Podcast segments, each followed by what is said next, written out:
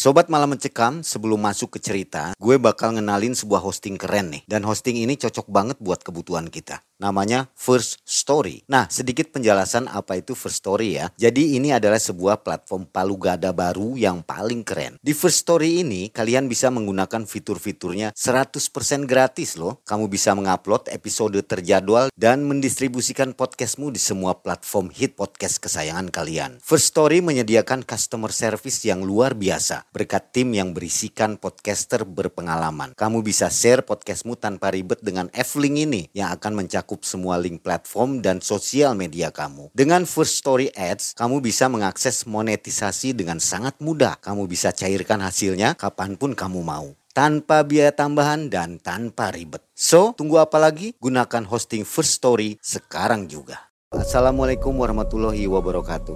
Selamat malam sobat malam mencekam. Kembali Mang Ei dan tim akan menemani waktu santai Anda di malam hari ini. Jadi Anda sebelum tidur dengarkan dulu kisah ini. Malam hari ini sudah ada di depan Anda namanya Abah Ajai. Abah Ajai ini akan mengisahkan kisah hidupnya di tahun 2002 ketika Abah Ajai mengalami keterpurukan ekonomi. Dan Abah Ajai langsung memilih jalan untuk melakukan tirakat di sebuah petilasan. Abah Ajai sampai-sampai disantet atau dipelet ya Ya, oleh seorang wanita yang membuat Abah Ajai menjadi linglung. betul. Kisahnya menarik sekali sampai-sampai Abah Ajai ditawari kekayaan oleh jin. Bagaimana kisahnya? Kita ke Abah Ajai dulu. Assalamualaikum Mbah Ajai. Waalaikumsalam warahmatullahi wabarakatuh. Mang Ai, Abah Ajai usia berapa nih? Sekarang jalan 50, Mang Ai. Jalan 50. Iya. Profesi apa? Profesi untuk sekarang pengajar. Pengajar ya. Ya. Oke. Nah, Abah Ajai kisahnya tahun 2002 kejadian di Lampung ya. Ya, di Sumatera Lampung sana. Kalau dari obrol-obrol tadi kisahnya mengandung hal yang bagus. Saya rasa positif yang Insya untuk Allah, kita insya Allah, insya ikuti. Jadi jangan mengambil jalan pintas. Insya Allah, Kira-kira seperti itu ya. Betul, betul, betul. Baiklah, kita ke Abah Ajai untuk mendengarkan kisah nyata kehidupannya di tahun 2002. Silakan Mbak Ajai.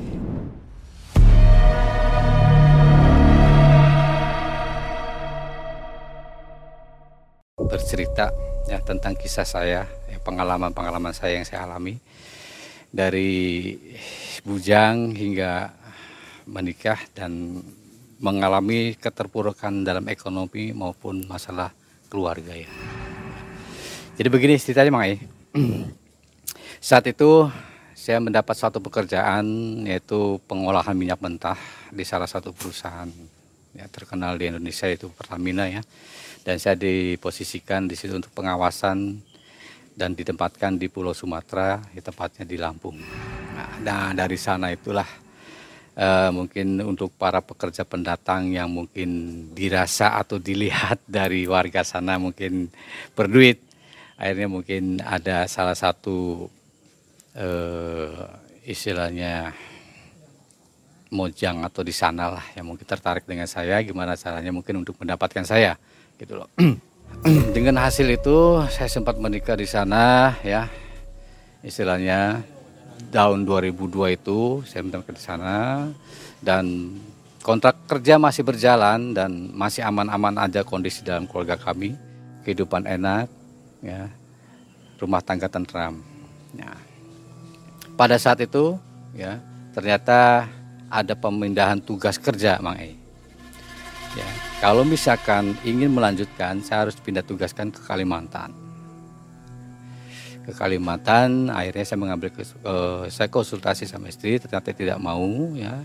Istilahnya akhirnya saya putuskan kontrak kerja. Nah, di saat itu di tahun 2002 saya tidak ada penghasilan apa-apa. Ya. Tidak ada penghasilan apa-apa, istilahnya hanya sisa-sisa uang yang kemarin. Ya untuk menghidupi kehidupan keluarga. Akhirnya lama-lama kelamaan habis dong. Ya. Nah setelah itu dengan keterburukan ekonomi, kesulitan ekonomi, akhirnya terjadilah satu benturan benturan masalah di keluarga. Ya mungkin namanya seorang istri itu tidak bisa menerima dengan keadaan ekonomi yang melilit. Akhirnya saya berencana hijrah, saya pulang kampung, yaitu saya kampungnya itu ya di Cirebon, Mai. Ya, kampungnya di Cirebon. Saya konsultasi, ternyata ada ganjalan eh, keluarga atau istrilah mungkin tidak mau diajak ke Cirebon. Akhirnya kita berpisah dulu selama 10 tahun, saya tunggu kabar, ternyata tidak ada, akhirnya memutuskan untuk berpisah. Keterpurukan saya di situ, ya, untuk ekonomi dan masalah keluarga, ya akhirnya saya berniat pergi dari tempat asal saya bekerja itu di Lampung. Nah, di saat perjalanan pergi ini saya mengalami satu kesusahan.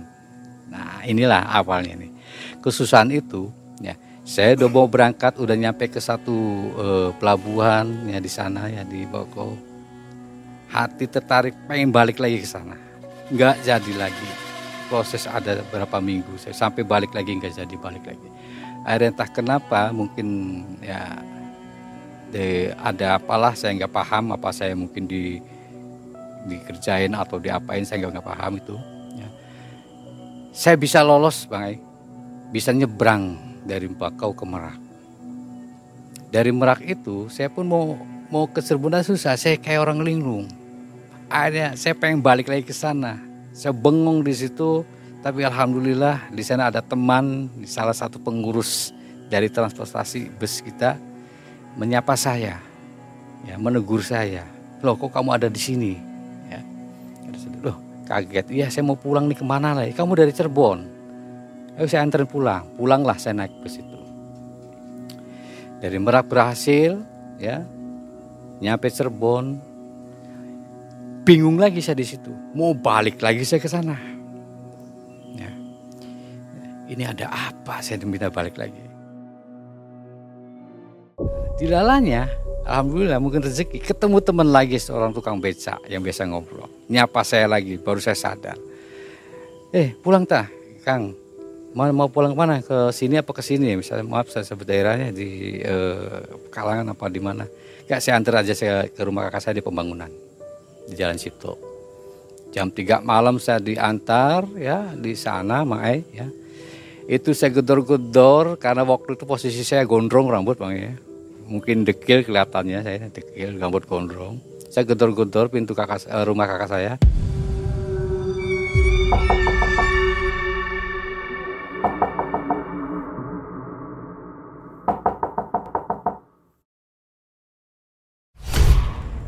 tidak dibuka selama setengah jam. Cuma nengok dari jendela aja kakak ipar saya. Ya, jadi kakak saya itu laki-laki. Nah, jadi yang nengok mungkin gak berani buka ya karena tampilan saya beda. Karena selama tiga tahun saya pergi tanpa sepengetahuan keluarga. Pergi ke nyebrang ke sana. Nyari rezeki itu loh. Sampai menikah pun ya tahu lah. Akhirnya dibukalah ya mungkin kakak ipar saya udah bangunkan kakak saya dibukalah pintunya. Kaget melihat saya langsung saya dipeluk sama kakak saya ya. Langsung tidak ditanyain apa-apa langsung suruh istirahat karena waktu itu jam 3 malam. Besok ya mai pagi ya saya seperti biasa bangun dan kakak saya melihat kalau tidak diajak ngobrol saya nggak nggak ngomong. Jadi tatapan saya itu kayak kosong kayak ada pikiran apa gitu loh. Tapi kalau ada ngomong baru jawab. Tapi kalau udah ngomong panjang, lebar cerita gitu, kamu ke mana aja ngawur ceritanya. Seperti itu katanya. Nah setelah tiga hari saya ketemu dengan keluarga, dengan adik kakak menanyakan saya ini ya saya jawabannya seperti orang bengong gitu loh. Akhirnya kakak saya itu ya, ya menilai saya bahwa ah ini ada yang gak bener di batinnya atau di apanya. Akhirnya inisiatif dari kakak saya itu mendatangkan seorang kiai untuk melihat kondisi saya, Mai. Akhirnya tanpa basa-basi, memang betul, akhirnya dititipkanlah saya di kiai, ya, untuk tirakat, ya, untuk tirakat membersihkan diri serta untuk membukakan semua jalan halangan atau memudahkan jalan rezeki lah. Seperti itu ya. Nah setelah itu saya bincang-bincang dengan kiainya. Kejadian saya yang ada di sana saya juga nggak tahu. Di saat di sana sih gak ada masalah apa-apa. Setelah nyebrang ini Mai seperti kayak ada serangan-serangan apa saya nggak paham gitu ya. Karena hal itu saya nggak ngerti seperti itu. Akhirnya mungkin yang mengerti yang uh, ahlinya akhirnya di terawang apa saya dibersihkan boleh dikatakan di apa diuruki atau bersihkan. Di rumah kiai itu ya di rumah kiai itu dibersihkan selama tiga hari. Dan saya suruh tirakat selama tujuh hari. Tempatnya itu di Cimandung daerah Cirebon Kabupaten sana Mae dari situ. Itu tempatnya Baku Cirebon cuma bukan di makamnya Mae ini di petilasannya petilasan itu agak jauh dan jalannya itu katanya ya masih jalan setapak kampung lah tidak bisa pakai kendaraan yang lain motor pun nggak bisa harus jalan kaki untuk ke petilasan itu saya datangi di situ, saya diobati selama tiga hari ya di situ sama kiai itu. Nah selama tiga hari saya diobatin, mungkin dirasa saya sudah uh, stabil, akhirnya suruh saya suruh tirakat mai. Suruh tirakat ya. Selama tujuh hari menjalankan puasa ya biasa. Malamnya saya tirakat, biasa jam tirakatnya itu dari jam 11 sampai jam 1 Bang dibacain ini kamu harus bisa kamu harus sungguh-sungguh ya. Namanya kita harus tirakat benar-benar. Alhamdulillah katanya istilahnya dengan kondisi seperti ini tidak ke jalur yang lain ya. Jadi dengan tirakat seperti ini kita tetap ke jalur yang diridhoi oleh Allah Subhanahu wa taala. Nah, akhirnya setelah itu saya dikasih satu, satu amalan ya, satu amalan ya. Dan amalan ini harus benar-benar kita kerjakan dan tanpa ada sedikit pun kesalahan atau tanpa sedikit ada kelupaan dalam melakukan amalan itu ya. Biar nanti hasilnya pun maksimal mang e, saya istilahnya melakukan biasa selalu selayaknya orang Islam yang sholat apa ya di situ dengan dan biasa. Akhirnya di, di saat mau tirakat selama tujuh hari ya hari pertama nih e, saya diantar dulu karena saya belum tahu petilasannya di mana ya. Diantarlah sama kiai itu. Dan jalannya itu Mai, tidak bisa dilalui dengan kendaraan. Untuk menuju ke petilasan saya menuju itu diantar sama kiai. Dan saat itu saya sudah mengambil air wudhu Mai, ya untuk melakukan tirakat di sana. Udah nyampe ke petilasan mungkin Pak Kiai tersebut minta izin ke situ. Akhirnya saya dipersilakan untuk tirakat di situ selama tujuh hari ya. udah ke hari pertama saya ditinggal ya pesan dari Kiai jangan pejamkan mata kalau misalkan mengamalkan ini hari pertama saya tidak menjamkan tidak ada ini ya tidak ada pengaruh atau energi apa apa gitulah anggap biasa wirid biasa gitu ya Ya, saya wirid dari jam 11 ya. Jadi pertama saya diantar itu saya sholat dulu Mai, dua rakaat biasa sholat sunnah ya. Terus duduk bersila ya, langsung mengamalkan e, bacaan atau amalan yang dikasih sama kiai. Ya, dari jam 11 jam 1 saya turun dan pulang sendiri. Perjalanan dari petilasan ke tempat kiai itu saya jalan kurang lebih antara 20 menit. Perjalanannya. Dan itu sendiri malam jam 1 dan saya tidak mendapat gangguan apa-apa. Kenapa saya tidak takut? Karena saya sudah bertekad bahwa saya ingin tirakat dan ingin memperbaiki diri. Gitu loh.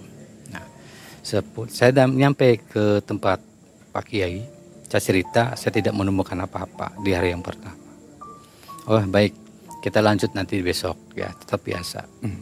merem tidak atau saya tidak pejamkan mata ya ya. Dan barangkali belum nanti besok atau kan masih ada tujuh hari bilang gitu ya. Di hari kedua ya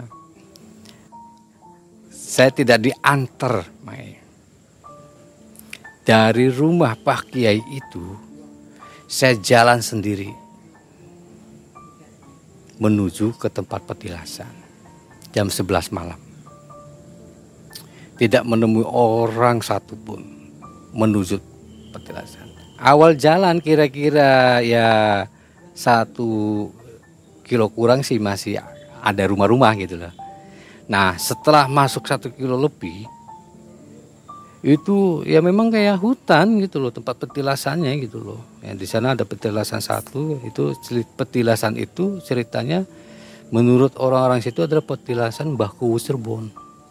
Di situ tuh eh, namanya di Cimandung. Gitu loh.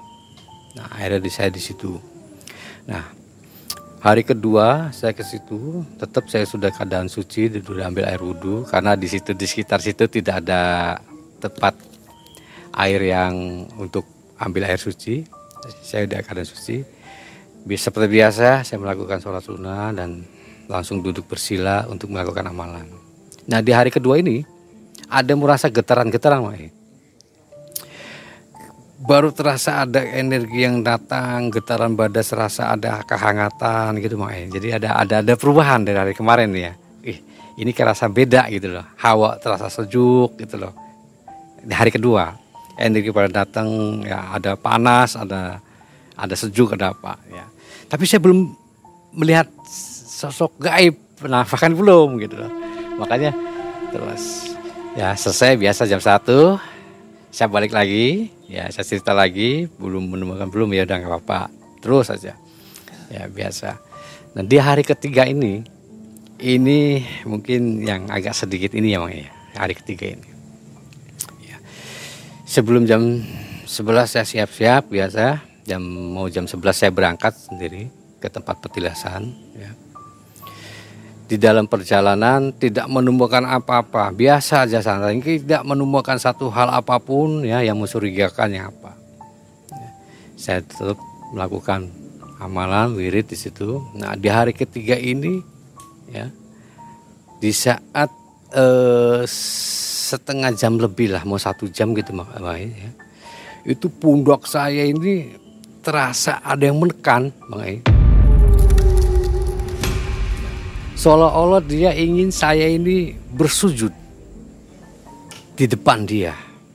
Ya.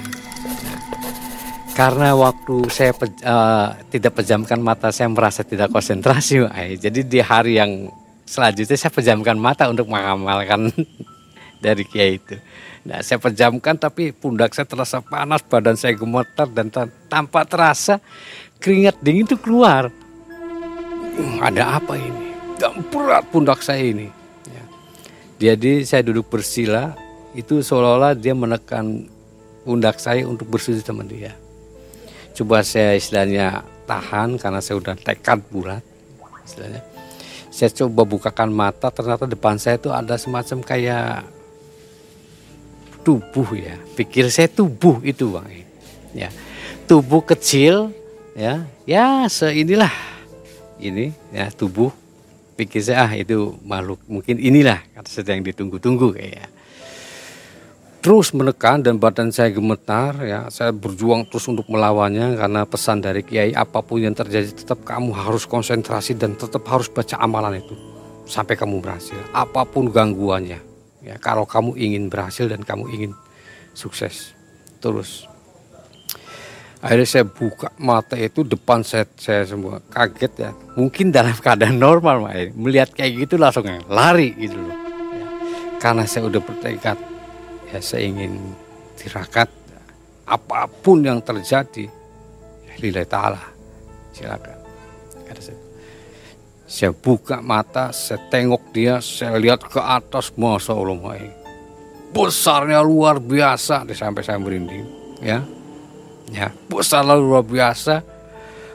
Jadi kakinya gede ya. Ini nih rambut gede. Apa ya mata itu kayak keluar enggak cuma gede matanya itu. Wish, mungkin kalau saya lagi ada begini lari lah saya nggak mau nemuin lagi itu jadi apa namanya saya nggak tahu makanya itu besar. Dia menatap saya melotot tapi dia tetap menekan saya supaya bersujud sama dia. Saya tahan terus ya. Sampai walaupun tingkat saya sampai gemeteran saya tahan terus akhirnya selang menjelang wirid dan terakhir amalan terakhir dia ngilang ya seperti ya mungkin letupan kecil ya kalau ya ini sih ya. Kalau di mungkin di film-film yang itu mungkin ada cahaya gitu ya Buk, gitu. Dari situ mulai lega. Dan secara ya kalau misalkan ilmu kedokteran dari panas itu nggak mungkin langsung dingin mang. Ya kan ini langsung sejuk udara dan badan saya enteng. Allahu Akbar Masya Allah. Berarti yang tadi ingin bahwa saya itu bersujud sama dia ya bukan bersujud sama Allah Ta'ala gitu. nah itu saya mengalami itu akhirnya saya jam satu saya turun di dalam perjalanan tidak ada apa-apa saya tidak diikutin tidak apa saya cerita ke Kiai oh itu hari ketiga dapat apa nemuin apa saya ceritakan ini ini, ini. oh ya dan Kiai itu tidak menjelaskan bahwa itu siapa. Yang jelas memang itu ingin kamu itu bersujud sama dia dan ingin kamu jadi pengikut dia. Nah itu, cuma alhamdulillah kamu bisa mengendalikan hal itu. Nanti besok mungkin cobanya akan lebih berat. Selang hari keempat, Mang E, karena saya terlintas ucapan kakak saya almarhum ini ya kakak saya ini almarhum ah, udah almarhum ya yang pertama kalau menghadapi hal itu katanya kalau kakak saya manggil saya tang ya tang tergantung sugesti kita kata emang eh kalau sugesti kita bahwa berpikiran yang akan muncul itu bentuknya seram ya akan serem gitu. Kalau misalnya bentuknya ya pengennya aja gimana lah. Pengen yang biasa aja jangan nakutin atau apa. Ya, saya berlogika ke sana ya, sambil mengamalkan itu. Nah, di hari empat saya coba logika saya saya implementasikan terhadap uh, amalan itu ya dengan logika omongan kakak saya saya cobain ya jam 11 saya masuk ya di perjalanan gak ada apa-apa sepi memang itu di, di hari keempat ini perjalanan memang agak aneh sih. Sepinya itu kayak sepi suara ibaratkan jangkrik ya. Itu aja nggak ada. Jadi suara bidara-bidara kecil aja udah nggak ada. Itu hari keempat.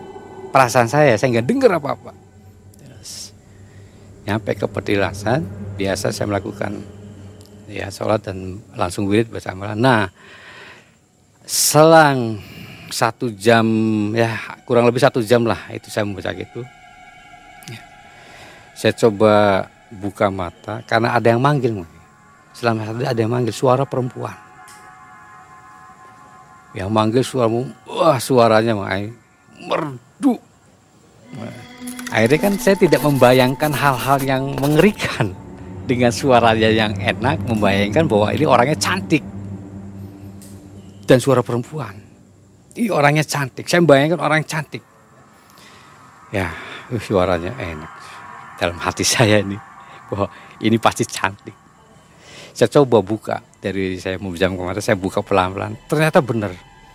Di depan saya radius kira-kira 5 meter berdiri seorang perempuan berbaju kayak orang Sunda. Pasundan, rambut panjang, cantik bener bang. Cantik menggoda saya, senyum ke saya, ngawe-ngawe ke saya, ngajak kemari mas. Lagi ngapain di situ mas? Di situ mah dingin, tempat saya enak katanya. Mas mau apa? Saya tetap tidak menjawab. Dia bertanya apa pun tetap dia menjawab. Ya, itu karena saya dapat pesan dari Kiai, pokoknya godaan apa pun gak usah diladenin gitu. Dia menawarkan saya berupa harta, kekayaan. Kalau mau kaya, ayo mau harta, ayo. Kamu mau apa akan saya kasih. Asal saya ikut sama kamu. Saya diam, saya tidak jawab. Saya tidak jawab. Gimana caranya si makhluk itu mungkin mengganggu saya supaya saya ikut. Atau istilahnya saya mau bergabung sama dia. Itu cantiknya luar biasa, Mai. Ya, saya, saya baru udah saya tetap membaca wiridan terus terus terus terus terus ya hampir waktu terakhir biasa di saat mau terakhir amalan itu saya baca itu pergi. Si cewek itu pergi. Cewek itu pergi dan kepergiannya itu dia meninggalkan seperti kayak ada tornado. Jadi dahan-dahan apa daun-daun yang berserakan itu seperti mengikuti dia. Pres. Gila. Ya kurang lebih seperempat menit mau mau selesai lah. Itu jam satu udah selesai saya turun. Itu hari keempat saya cerita lagi kayak Pak Kiai saya temuin ini ini, ini. aduh. Kamu hebat dong ketemu sama perempuan cantik gini-gini ngasih nawarin harta kekayaan apa gini gini iya Pak Kiai tapi dia mau ikut saya. Kamu jawab apa? Saya nggak jawab apa apa gitu loh. Saya diem aja konsentrasi akhirnya dia pergi sendiri. Ya sudah. Itu hari keempat besok mungkin akan lebih berat lagi. Makanya amalannya tolong dikhusukan difokuskan. Mungkin kan dari jauh Pak Kiai juga mantau makanya ya barangkali ada apa-apa dengan saya. Saya sendirian juga. Itu. Nah.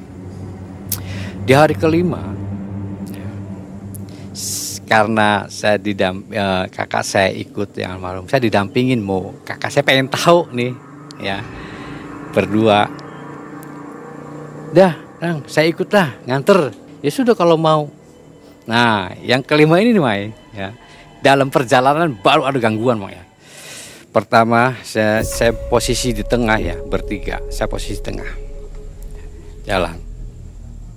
Udah lepas dari perkampungan ya maksudnya kan ada perkampungan sedikit baru masuk hutan. Lepas dari perkampungan. Suasana sepi. Mau keluar dari perkampungan menuju ke petilasan itu, kakak saya melihat sosok tinggi besar. Di samping dia berdiri tinggi. Kakak saya padahal tinggi dia lebih tinggi tang dari saya aja. Oh, saya nggak lihat apa-apa. Iya bener. Masa saya bohong? Itu tadi di samping. Lewat kan. Dalam radius 20 meter ini saya melihat sosok. Depan tuh sebelah kanan. Pas di kakak saya yang sebelah kanan aja yang nemuinnya gitu loh. Ih, iya ada sosok hitam besar. Kakak saya nggak lihat tuh. Saya bilang di sana ada kakak saya lihat kebalikannya Mana tang? Itu pada saat itu. Depan. Gak ada apa-apa nah. Tetap jalan. Setelah radius 10 meter saya nggak ngeliat, malah kakak saya yang lihat main kebalikan. Ya Allah, iya tong gede pisannya. Mana? Itu sebelah. Orang nggak ada. Ini ada sebelah. Itu namanya jalan main. Ya bertiga. Tadinya kalau misalkan sholat kan sok rapat-rapat ya.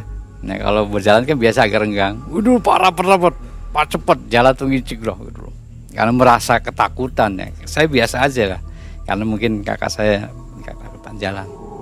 Nah udah pas masuk ke area petilasan pas masuk nih Mai, melihat ada orang duduk di situ ya. Saya bilang mas ada orang duduk ya? Iya. Ya. Lihat datang. Lihat tuh ya udah nanti kita bilang permisi aja. Mohon pamit gitu. Nah jarak 5 eh ya 10 meter ya kita siap-siap mau bilang pamit. Ternyata saya berkedip sekali aja hilang Mai kayak nggak masuk akal aja udah kerjaan hilang itu. Nah, kakak saya pun bilang hilang. Itu nggak ada sih. Orang tadi ada duduk di situ. Hilang. Udah diantarlah saya sampai ke petilasan.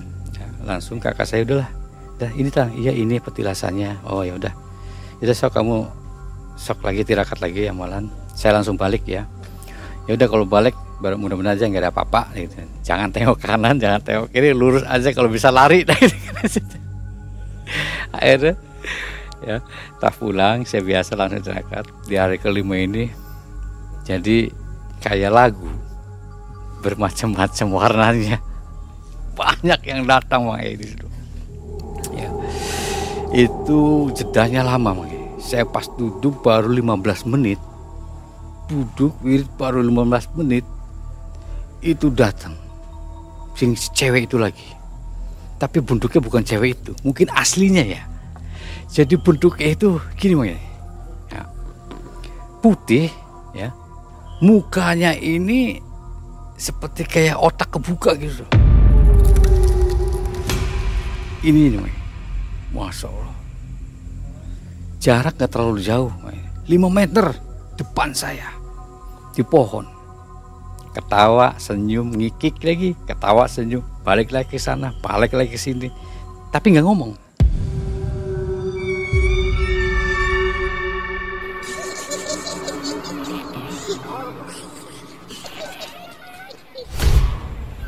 beda dengan yang kemarin. Kemarin dia nawarin ke saya. Kalau ini dia nggak ngomong.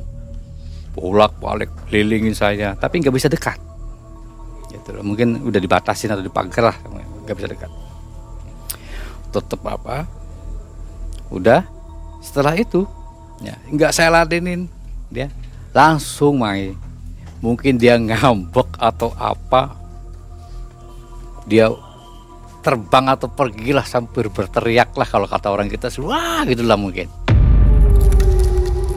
Ya pergi plus dah gak ada apa-apa. Tetap saya wirid. 15 ke depan setelah saya baca wirid datang lagi main wah terasanya ini saya udah nebak nih. Ini punggung saya panas dingin ditekan semua saya ini ya, ya.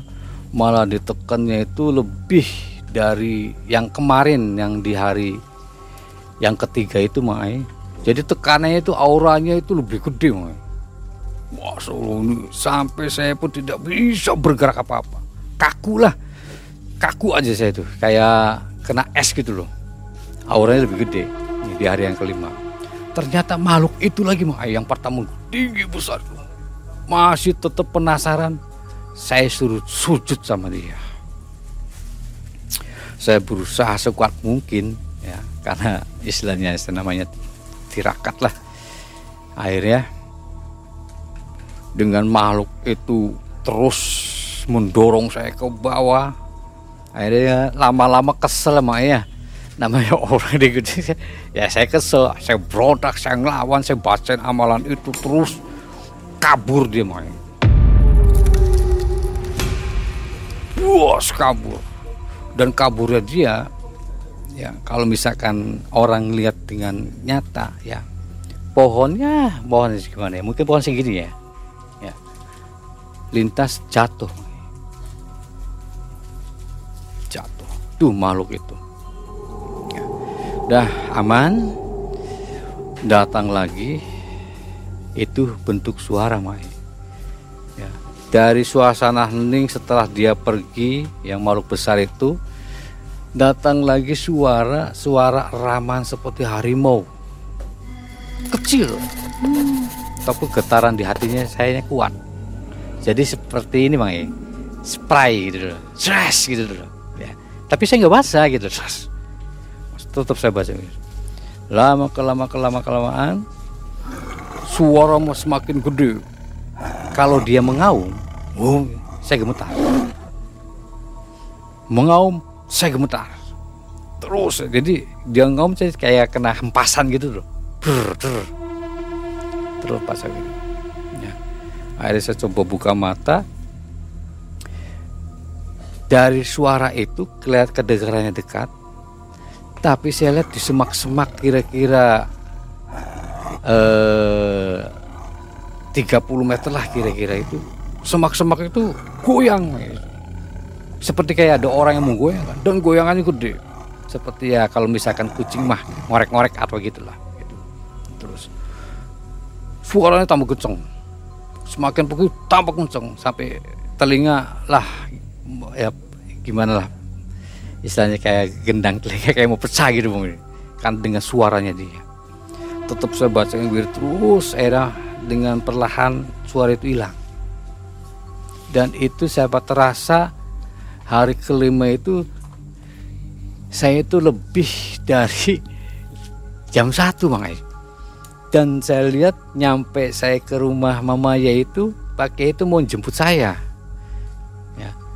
Karena sampai jam setengah dua saya belum datang Mai saya belum nyampe ke pondoknya dan Pak Kiai itu ya merasa khawatir dengan kondisi saya, saya karena setengah dua itu belum datang. Akhirnya mau disusul saya papasan di jalan dengan Pak Kiai. Ya.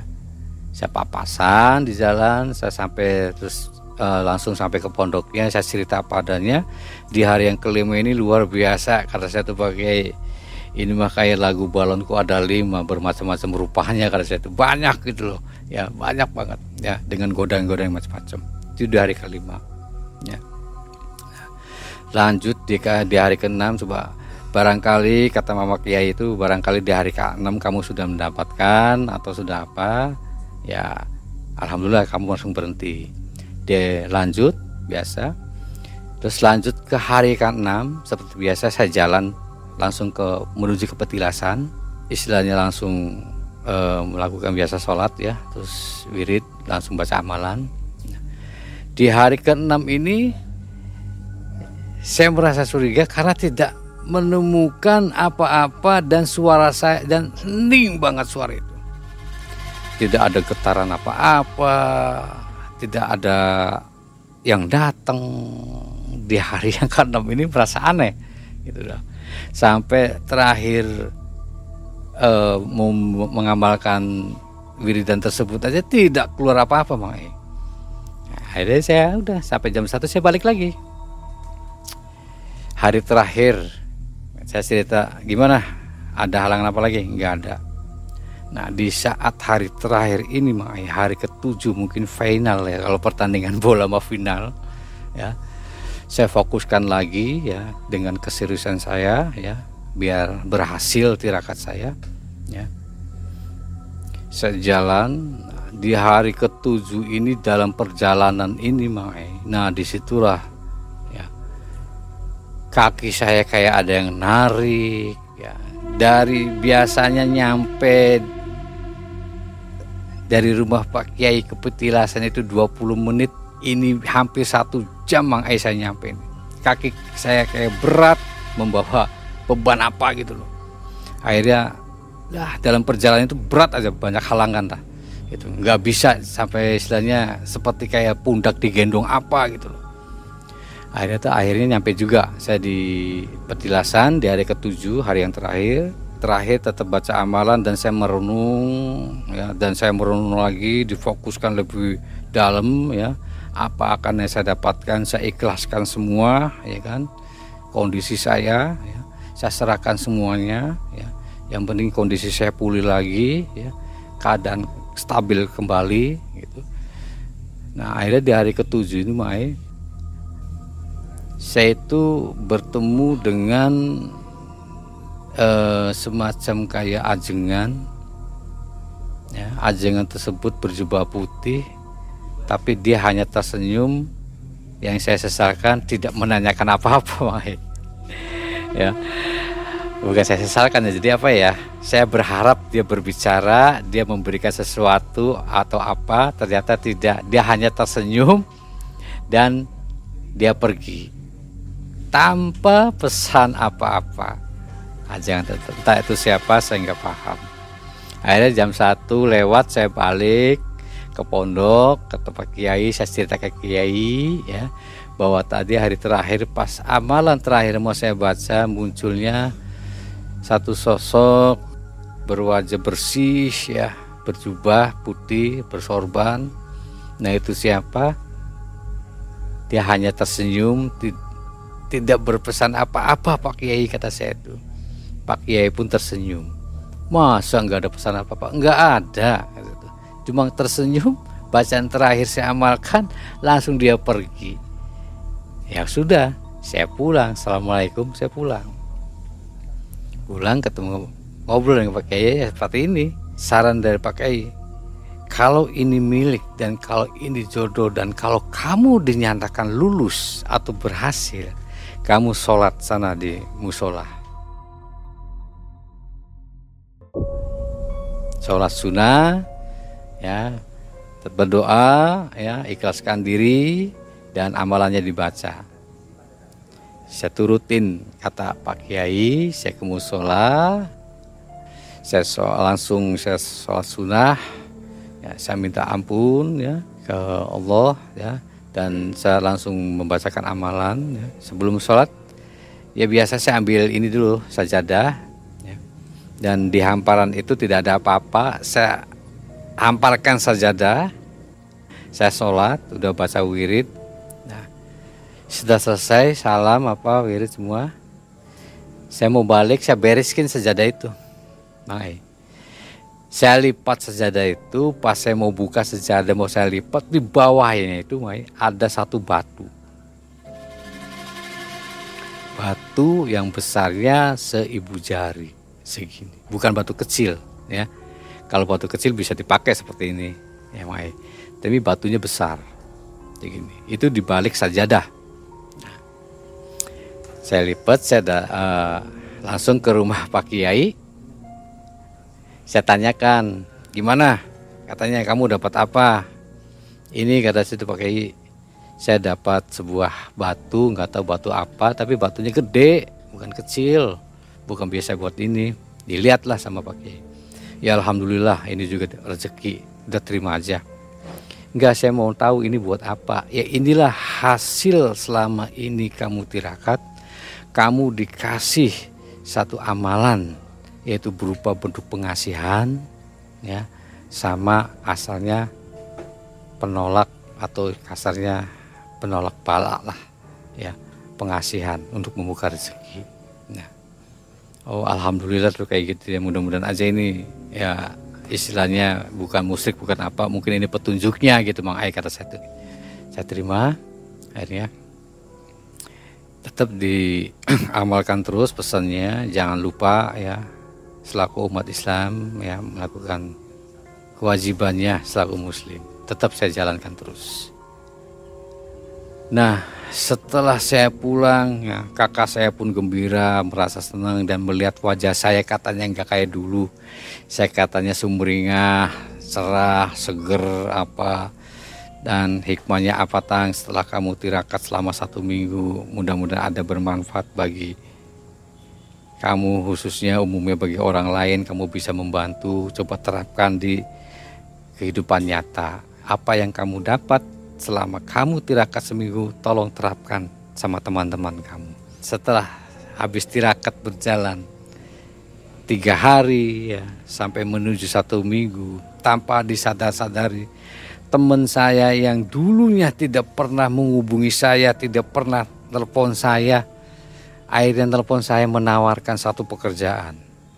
Nah, apakah inilah balasannya?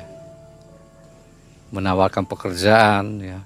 Datang lagi teman saya ya dari luar kota menawarkan pekerjaan lagi, ya. Jadi di situ satu kemudahan.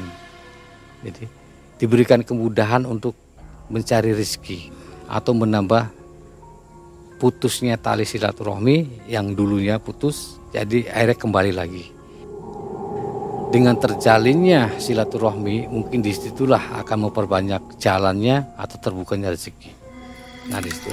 Makanya istilahnya eh, saya berpesan kepada pemirsa MM ya bahwa dalam melakukan hal apa pun walaupun kondisi keterpuruk ya segeralah berbenah dan mengingat kepada Allah jangan sampai tinggalkan sholat awalnya adalah perbaiki sholat dulu dan jangan mengambil satu jalan yang singkat atau jalan pintas atau jalan instan yang akhirnya akan menjadi beban, akan menjadi kita terpuruk, Bang E. Itu pesan saya. Jadi tetap kalau kita punya hajat, ya, punya keinginan, ya, kita harus bertirakat sendiri, minta kepada Allah, ya. Jangan lain ke yang lainnya lah. Jangan pakai jalan pintas. Apalagi main-main yang pakai janganlah. Kita jalankan sendiri insya Allah hasilnya maksimal Bang E insya Allah. Itu batunya ada punya? Ada ada. Batunya itu segede ibu jari. Mau dilihat? Boleh dilihat. Boleh boleh boleh. Punten tas saya mana ya? Oh ya ini nih tapi artinya bukan percaya ke batu kan ya enggak ya dia saja ya ini di ikhtiar maaf ya nah ini Apa tadi khasiatnya itu apa aja? Jadi ini iya eh, kepengasian ya.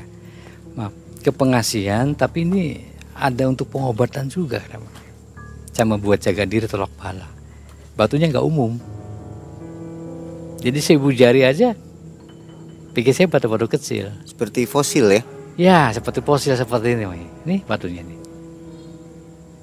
Ini udah berapa tahun? Ya pegang? dari 2002 sekarang berarti 20 tahun nih. 20 tahun ya. Ini tadi sih nggak hitam seperti ini, Mai. Batu seperti biasa, ya cuma karena 20 tahun akhirnya menghitam seperti ini. Oke. Nah, Menarik. ini Dan dari sinilah mungkin saya juga mungkin lah, mungkin lain waktu Mai. Lain waktu akan saya ini kan lagi karena mungkin dengan perjalanan saya dengan memegang batu ini alhamdulillah eh, boleh dikatakan bukan saya untuk ria ya. Jadi bahkan saudara saya di- sendiri juga bisa saya tolong bisa saya selamatkan dari keterpurukan. Sampai sekarang pun udah bangkit lagi karena salah jalan ya sampai saya berani mengorbankan diri saya ya. Maaf nih saya cerita. Ya mungkin lain kali ya sampai saya buka dulu. Saya pernah di- bukan dikorbankan ya saya berwujud seperti macan. Ya saya berwujud seperti macan orang-orang yang melihat saya. Saya dijadikan macan ya karena saya megang kantong macan ya. itu dari abah yang dulunya itu pernah dicari sama presiden yang kedua Pak Harto orang yang ngumpet di kaki Gunung Ciremai. Saya ketemu sama beliau. Dan saya sebagai katanya weton saya pas. Saya lah yang megang itu. Dan saya berupa menjadi mas harimau lah. Orang yang melihat saya. Itu yang pertama. Nah nantilah kisah lain nanti. Coba Iya. nanti saya- banyak lah insya Allah nanti kalau misalkan Mang Ai ini mau diulas kembali monggo. Nanti aja. Jadi Gitu, pesan yang akan disampaikan oleh Abah Haja ini jangan terburu-buru untuk mengambil langkah instan ya. betul gitu Seperti itu ya. Hmm, gitu. Lakukan tirakat yang seperti tadi diceritakan. Insya Allah ada kedamaian di situ ada ya. kedamaian ketenangan hati ya di situ ada tunjuknya Baik Sobat MM, itulah kisah nyata dari Abah Ajai di tahun 2002. Dan jika Anda suka dengan kisah dari Abah Ajai silahkan berkomentar di bawah. Saya Mang Ei dan tim undur diri. Terima kasih Abah Ajai. Baik, terima Assalamualaikum warahmatullahi wabarakatuh. Waalaikumsalam warahmatullahi wabarakatuh Seperti biasa ada oleh-oleh dari malam mencekam yaitu sebuah keset karena kaosnya nggak ada.